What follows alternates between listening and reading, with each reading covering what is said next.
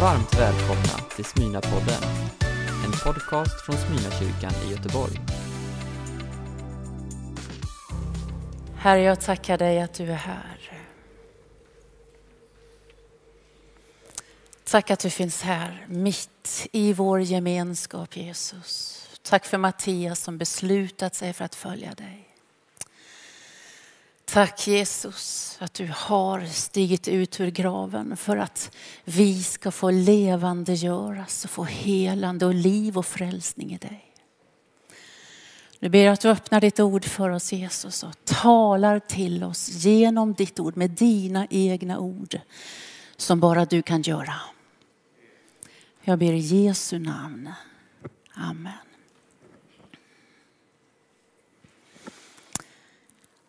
Nu sitter Jesus till bords med lärjungarna runt sig och äter en stor, god, riktigt god påskmåltid.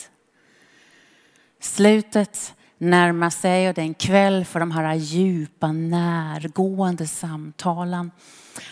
Och det är bara timmar kvar till Jesus ska korsfästas och dö. Luften liksom darrar av spänning. Lite som den gör i det här rummet idag, känner du det? Luften darrar av spänning och frågorna stora, känslorna är många. För Jesus ska förbereda sina lärjungar för det som väntar. Va? Prövningar, förföljelse, men de ska också få den heliga ande hjälparen. Och han berättar om deras uppdrag. Så han vill ha lärjungarna nära sig så här. Du vet när man vill berätta någonting viktigt. Då vill man inte ha det här avstånd utan kom här, sätt dig nära mig. För nu vill jag se dig in i ögonen. Jag har någonting väldigt viktigt att säga dig. Orden vägs liksom på en guldskål. Och det han delar är så dyrbart. Och nu ska vi lyssna noga. För det Jesus säger till lärjungarna i det här rummet, det säger han till alla oss lärjungar till alla tider. Och då säger han så här. Låt inte era hjärtan oroas. Tack och lov Slove.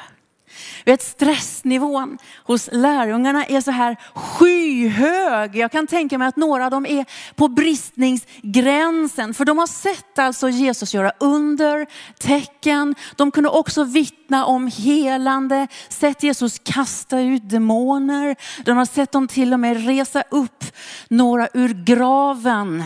Ändå är de stressade. Vi har också, vi vet också att Gud är med oss, fast vi kan också bli stressade. Och Jesus vet det, han förstår det. Han vet att lärjungarna kommer känna på maktlöshet. De kommer känna på ångest. De kommer känna på förtvivlan. Men han vet också vad som väntar där längre fram. Han ser alltid längre än vad vi gör. Va? Och han vet att det kommer en hjälpare, den helige ande som ska hjälpa de här fiskarna, hantverkarna, Kanske är du bagare, kanske är du lärare. Han ska hjälpa dem och ge dem kraft att gå ut med evangeliet till, städer, till städer som är långt borta. Bryta, korsa gränser och ut med evangeliet till hela världen. Det är en häftig stund som vi får vara med om tillsammans med Jesus och lärjungarna. Så han tittar dem intensivt in i ögonen och han ser på oss i det här rummet. Så säger han, låt inte era hjärtan oroas. Tro på Gud. Tro på mig. I den norska bibeln så står det la icke hjärte bli grepet av angst. Det är ännu liksom flera skikt i ångesten. Lärjungarna skulle verkligen nå ångestens djup. Men tro på Gud. Och tro på mig, alltså stirra dig inte blind på utmaningarna som är runt dig. Du vet man kan bli väldigt närsynt och få ett kort perspektiv när man är bekymrad, när man är orolig för det handlar om detta. Men lyft blicken lite högre upp va. Jag lovar, det kommer andra tider. Jag vet att det ser mörkt ut, men det kommer ett ljus. Tro på Gud och tro på mig. Och så ritar han en framtidsbild Jesus. Jag ska gå bort och jag ska förbereda en plats för er och en dag ska ni få vara där jag är. Visst ger det hopp och tröst, eller hur? Amen. Så säger han. Och vart jag går, det vet ni. Den vägen känner ni. Då blir det kaos. Fullständigt kaos runt det här bordet. Och jag älskar denna Thomas då. Eh, han är kanske den ärligaste killen i klassen. Jag vet inte var du tittade när du satt i klassrummet och läraren började prata om saker som du inte fattade. Men jag vet vad jag tittade, jag tittade ner. Jag, började, jag tog pennan och började rita lite. Liksom. Det såg ut som jag tog anteckningar men egentligen skrev jag mitt namn på 15 olika sätt. Då. Anne Jorid Färger, du vet. Anne Jorid Färger. Och så tänkte jag, nu tror läraren att jag är helt med va? Men det gör inte Thomas. Hej, hej! Jag förstår inte vad du menar Jesus. Har du en adress du? Ja, för då vill jag ha den så jag kan slå in den i min GPS. Annars hittar inte det jag, för jag vet faktiskt inte vart du bor.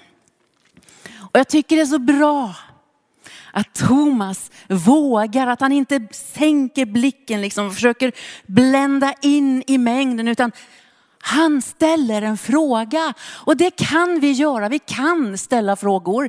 Det är bra med frågor, att testa som du sa här Mattias. Jag testar, det är helt okej. Okay.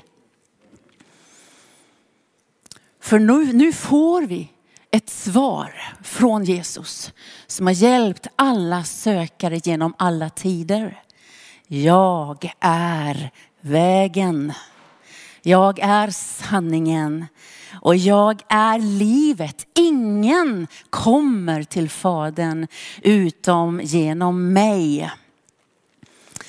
Och nu är bibeltexterna så mättade. Ni vet ju, ni hör det själva när vi lyssnar på kapitlerna på morgonandakterna. Ett helt kapitel. Varje vers i Johannes är så här mättad så man vill liksom stanna upp. Så nu ska vi titta bara på ett av de här anspråken, nämligen sanningen. Och egentligen skulle jag haft med mig eh, varseltriangeln från bilen och satt upp här nu men jag glömde den. Men jag sänder ut en aldrig så stilla varningssignal. Därför det är ingenting som säger att den här texten nu kommer landa mjukt och skönt i mig. Eller mjukt och skönt i dig, utan tvärtom. Det kan komma att skava. Så jag säger det nu så är det redan sagt. Jag är vägen, sanningen och livet. Ingen kommer till Fadern utom genom mig. Det är enorma anspråk som Jesus gör här. Om Jesus bara hade varit en god människa, då är det här höjden av högmod. Om Jesus bara är en religionsstiftare så är det här hopplöst arrogant. Jag är vägen. Det finns bara en sak som gör att det här anspråket fungerar. Och det är om Jesus faktiskt är Gud.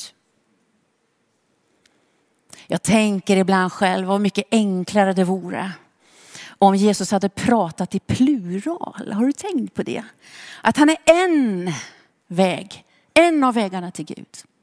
Att han är en av många sanningar om livet och livets verklighet och det andliga. Men han gör ju inte det. Va? Han är superexklusiv. Ingen kommer till Fadern utom genom mig. Och med det så eliminerar han alla andra vägar. Han pekar inte ens på en kyrka. Han gör inte det, inte ett samfund inte en religion. Jag. är vägen. Det är jag som är sanningen. Det är jag som är livet. Ingen kommer till Fadern. Det är lika för alla, utom genom mig. Så när, Pontius Pilatus, lite senare Johannes, liksom står där med Jesus och pratar så har han en hel del frågor till Jesus. För han ska liksom komma på vem den är Jesus är. Och Jesus är väldigt, väldigt tyst. Men han säger en sak som är väldigt intressant. Han säger, jag har kommit hit till världen för att endast vittna om sanningen. Alla som är av sanningen lyssnar till vad jag säger. Då sa Pilatus, vad är sanning? Det är en hur bra fråga som helst. Och den ligger under ytan i varje människas hjärta. Vad är sanning? Och den frågan skulle vi ställa oss ofta. Vad är sanningen nu i det jag hör just nu? Vad är sanningen i det jag läser just nu? Därför att hela det här begreppet sanning är i gungning. Visst hör vi det rätt ofta, det kan vara sant för dig. Men det är inte sant för mig. Du tror att det är rätt för dig och det är fine att det är rätt för dig. Men det är detta som är rätt för mig och jag är fine med det. Alltså sanningen är olik för olika människor. För vi blir mer och mer relativister. Vad lägger man i det? Jo, det betyder att vi kan se begrepp som just sanning, som normer, som etik, från moral ifrån så många olika vinklar att det är omöjligt till slut att säga vilken vinkel som är helt rätt och vilken vinkel som är fel. Därför att sanningen blir beroende av vem du är, vart du kommer ifrån, vad du har lärt dig, vad du har med dig, vad du känner och så vidare och så vidare. Sören Kyrkegård i Danmark, han sa så här. Det handlar om att hitta en sanning som är sann för mig. Relativism alltså genomsyrar vårt samhälle utan att vi egentligen är medvetna om det. För det blir nästan som luften vi andas. Och det påverkar vårt mindset där allt färre tror på en objektiv eller absolut sanning. Fake news är ett koncept som har trängt sig djupt in i världspolitiken där det handlar om att misskreditera den som inte har samma politiska syn eller världsbild som det jag har. Handlar om att förvrida och vränga på sanningen, desinformera, förkluddra sanningen. Vilket vi ser när Ryssland hotar Ukraina. Det är inte självklart vad som är sant och vad som inte är sant. Och hur ska vi hantera det då? Därför att utan en objektiv sanning står vi tillbaka med uppfattningar, med åsikter. Och vi ser det varje dag i våra Instagramflöden, i våra Facebookflöden där inläggen delas friskt. Du vet, man delar de inlägg som stödjer mina åsikter, bekräftar verkligheten så som jag ser den eller så som jag önskar den. Och vi är inte alltid så noggranna heller med att kolla upp sanningshalten. Vem är avsändaren bakom detta? Vad är agendan bakom detta? Och det är en förödande utveckling för samhället i stort.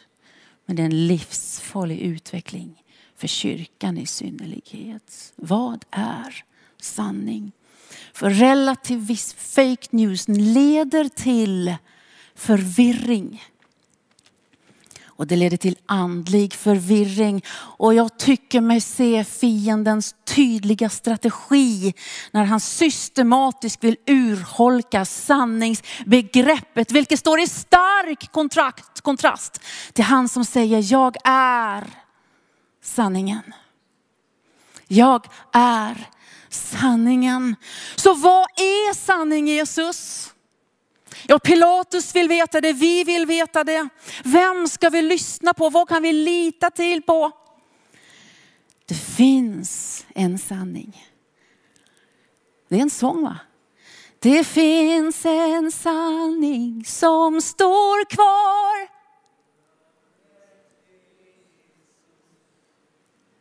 Ja, det var ett försök i alla fall. Det är bra. Det finns en sanning som står kvar.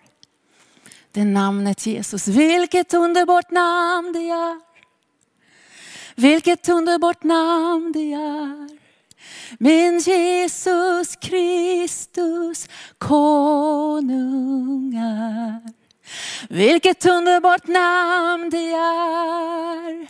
Inget är mera värt. Vilket underbart namn det är. Det namnet Jesus. Det finns en sanning som är absolut, som är objektiv. Som inte ändrar sig med tider och trender. Och kanske är det så att nu blinkar några lampor rött. För det är något av det mest provocerande man kan säga och göra i vårt postmoderna samhälle. Det är att peka på en absolut sanning. Intolerans är faktiskt den största synden i vårt samhälle. Det var därför jag ville haft min lilla varningstriangel här. Men jag sände ut en varningssignal, eller hur? Och Jesus utmanar oss. Dig mig att våga stå för en absolut sanning. Guds ord är sanning. Saltaren 119 säger att summan av Guds ord är sanning. Så det blir alltså lite farligt att bara ta en vers där och en vers där och en vers där. Som vi väldigt ofta gör när vi läser Bibeln. Därför är det så bra att vi läser hela Johannesevangeliet i sin helhet. För det finns en tanke med att läsa en bok från början till slut. Summan av Guds ord är sanning. Och sanningen är att Gud kom till oss. Blev en av oss. Levde mitt ibland oss. Att han dömdes skyldig för min skull. Att han dog för mina synder. Sanningen om Gud är att han uppstod på den tredje dagen och bröt mörkrets makt över mitt liv. Ja, han bröt dödens makt över våra liv. Och sanningen om Jesus är att han står här just nu och säger, jag är vägen, jag är sanningen och jag är livet för dig och för dig, för dig, för dig. Ja, för alla de som tar emot han, säger Johannes senare, ger han rätten att bli Guds barn. Det är en absolut objektiv sanning som du kan lita på och lyssna på. Allt är inte i glidning. Det betyder ju att i din skolklass, på ditt jobb, med dina vänner, i familjen, så kan du vara trygg. Där säger Jesus, låt inte ditt hjärta gripes av ångest. Låt inte ditt hjärta gripes av ångest. Tro på Gud. Tro på mig. Du kan vara trygg i sanningen om mig. Och när du är trygg i sanningen om mig, då kan du med trygghet lyssna på andra som tänker och tycker olika. För du vilar i sanningen om mig som utgångspunkt. Det finns inget som kan hota sanningen om Jesus Kristus. Det ska vi veta. Fienden kan göra precis allt han vill och försöka. Men ingenting kan hota sanningen om Jesus Kristus. För jag har kommit för att vittna om sanningen, säger Jesus till Pilatus. Och du vet när man kommer i närheten av Jesus som är sanning, då händer det någonting. Jesus kastar sitt ljus in över ditt liv. Och när jag kommer in i Jesu närhet så kastar han sitt ljus in över mitt liv. Och sanningen ställer ju en diagnos. Det är ju det sanningen gör. Den ställer en diagnos. Sanningen berättar vad som har blivit fel i våra liv. Var synden har fått fäste i våra liv. Var hjärtat har blivit hårt eller högmodigt.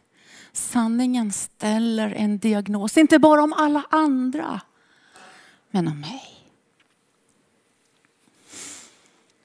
Och varje gång sanningen svider, för det här är inte roligt, varje gång den svider så påminner Jesus oss om att han är full, inte bara av sanning, men av nåd. Johannes skriver det här. Ordet blev kött och bodde ibland oss. Vi såg hans härlighet, en härlighet som den enfödde har av Fadern. Och han var full av nåd och sanning full av nåd och sanning. Och det som Johannes bara vill understryka, att nåden är störst, för han fortsätter, av hans fullhet har vi alla fått. Och det är nåd utöver nåd, säger Johannes. Jag tror han var lite karismatisk faktiskt när han skrev det där. Jag får lust att säga amen alltså. Halleluja. Jesus har inte bara en annan standard. Han är av en annan natur. Därför ger han oss inte vad vi förtjänar. Han ger oss vad vi behöver. Nåd och sanning. Och jag är så tacksam för att inte sanningen kommer först. Ja. Utan jag hoppas du hörde att det är nåden som kommer först. Nåden kommer alltid först, för den är störst. Nåden hinner alltid före sanningen därför att nåden orkar rymma sanningen om ditt liv, om mitt liv. Hur stor och hur öglig än den sanningen är så är nåden större. Där synderna stor är nåden större synger vi i den här gamla sången. Och det är sant. För nåd utan sanning har ingen förlösande kraft i sig. Ingen lägger ett plåster på ett, ett infekterat sår utan att man rensar såret först, eller hur?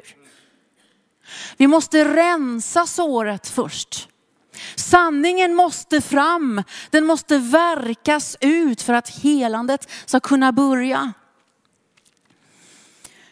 Sanning utan nåd, det vill jag inte ens tänka på. För det är inte all sanning som gör oss fria. Det är inte all sanning som läker oss. Vet att om någon kommer och säger till mig, Anna, du, du är skickligt sur alltså grinete dame. Vad är du för människa?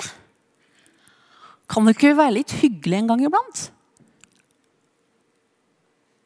Ja, men alltså, det är säkert sant. Det finns säkert sanning i det. Men jag tror inte jag skulle bli särskilt mycket bättre för jag blir lite provocerad. Jag känner mig attackerad. Och tänk så lätt vi vänner emellan makar emellan, barn och föräldrar kan liksom använda sanningen som ammunition. Någon gör oss något ont, säger något vi inte gillar. Vi blir sårade och så armerar vi oss med sanningen, du vet va? Och så slänger vi ord genom luften som ammunition som bara puff, vi vet träffar. Därför att jag kommer ihåg precis vad du sa. Jag vet exakt var vi var när du sa det också. Och jag vet hur du gjorde det. Och det är helt sant. Det är helt sant. Och så ligger ammunitionen liksom lagrad i år efter år ifall jag får användning för den vid något tillfälle. Känner du igen det eller bara mig?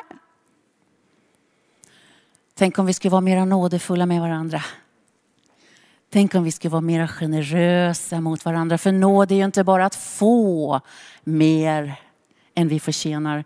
Utan den som fått nåd ska, vi kan också ge nåd som inte egentligen i ögonblicket förtjänas. Och min salige svärfar som jag bara träffade ett par år, han sa någonting bra som jag har tänkt mig på. Han gjorde att vi behöver ju inte säga allt, även om det är sant, sa han. Jag har tänkt på det där, för jag liksom gillar du vet, sitta med en kopp te och säga allt. Men man måste inte alltid säga allt. Det kan vara smartare ibland att, höll på att säga, hålla käften. Jag sa inte det, jag sa hålla mun, sa jag. Vara tyst, sa jag. Och tiga, det är klokt. Men det vi säger då, det ska vara sant, eller hur? Nåden lockar fram sanningen om vår tomhet, om vår brustenhet. Och så ryms vi. För nåden i ditt liv är större än sanningen om ditt liv. Amen. Är du med? Därför behöver du inte vara rädd för sanningen. Va? Vi ibland använder sanningen som ett hot. Du behöver inte vara rädd för sanningen. Därför sanningen ska sätta dig fri, säger Jesus. Den ska sätta dig fri. Ja, det gör ont ett litet tag när vi renar såret. Men sen kan du läka, förstår du. Sen gror såret och du läker och du blir hel. Därför vill jag säga till dig som kämpar här idag. Du som kämpar med ditt samvete.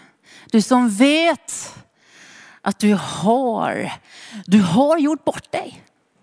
Du har gjort saker som är så dumma och du ångrar dig, du plågar dig. Det är sant om dig att du har strulat till det. Men det är sant också om Gud. Att han vill förlåta dig. Det är sant nämligen att det finns förlåtelse för synd. Även om vi inte pratar så mycket om det och hör så mycket om det. Det finns förlåtelse för synder i Jesu namn.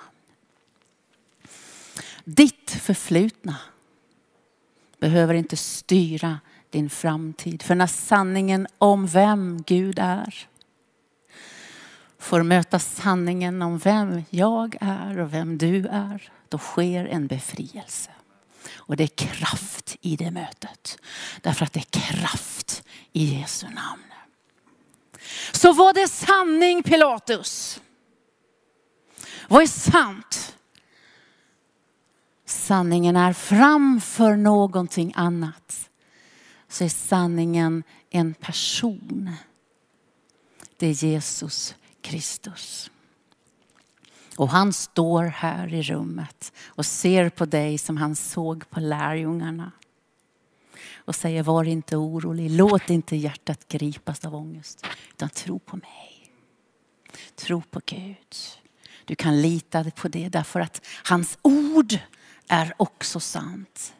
För summan av Guds ord är sanning. Och jag har kommit för att vittna om sanningen, säger Jesus. Alla som är av sanningen lyssnar på vad jag säger. Och jag tänker att det är en utmaning till oss alla. Till var och en av oss, till oss som kyrka. Jesus utmanar oss att hela tiden utsätta oss själva för sanningen och låta sanningen vara en lykta som lyser in i våra liv, som vi testar våra liv och det vi hör och det vi ser emot. För han är sanningen och så har han gett oss den helige ande som hjälpare så att inte det blir teorier, du vet va? Eller hur? Så att inte man känner sig så ensam och hjälpeslös. Hur ska jag klara det här? Han utmanar oss som kyrka att slå vakt om sanningen. Att faktiskt våga stå upp för att det finns en sanning som är objektiv. Det finns en sanning som inte handlar om hur jag har det eller hur jag mår eller omständigheterna runt mig. Den är objektiv och den är absolut. Och det är att Jesus Kristus, han levde, han dog, han uppstod. Och det finns frälsning i bara denna ena Jesus. Han är vägen, han är sanningen. Och han är livet. För mig, förstår du, när jag förberedde mig. Han är det för mig. Det är inte bara någonting jag liksom ska predika för dig, utan han är livet för mig. Han är vägen för mig. Han är sanningen jag bygger mitt liv på. Och känner du inte Jesus på det sättet så finns det en möjlighet för dig också. För när en enkel människa som mig kan följa den vägen, då kan vem som helst följa den vägen. Men det krävs mod att stå för en absolut sanning. Men relativism, fake news, desinformation, åsikter och tyckande hittan och dittan som håller på att urholka själva sanningsbegreppet. Det leder rakt in i kaos och förvirring. Precis det som djävulen och hela hans kompani vill ska hända med den här världen. Och det utspelar sig framför våra ögon. Så självklart krävs det mod av oss att stå för någonting som är objektivt. Att stå för att nå en stod upp från de döda på tredje dagen. Hallå, det krävs mod. Så låt oss sluta där vi började. När Jesus spänner blicken i lärjungarna, han spänner blicken i dig och han spänner blicken i mig och så säger han med varm myndighet. Låt inte era hjärtan oroas utan tro på Gud och tro på mig. Amen. Du har lyssnat på en predikan från Smyrnakyrkan i Göteborg. Hjärtligt välkommen att lyssna igen eller besöka Smyrnakyrkan. Gud välsigne dig och din vecka.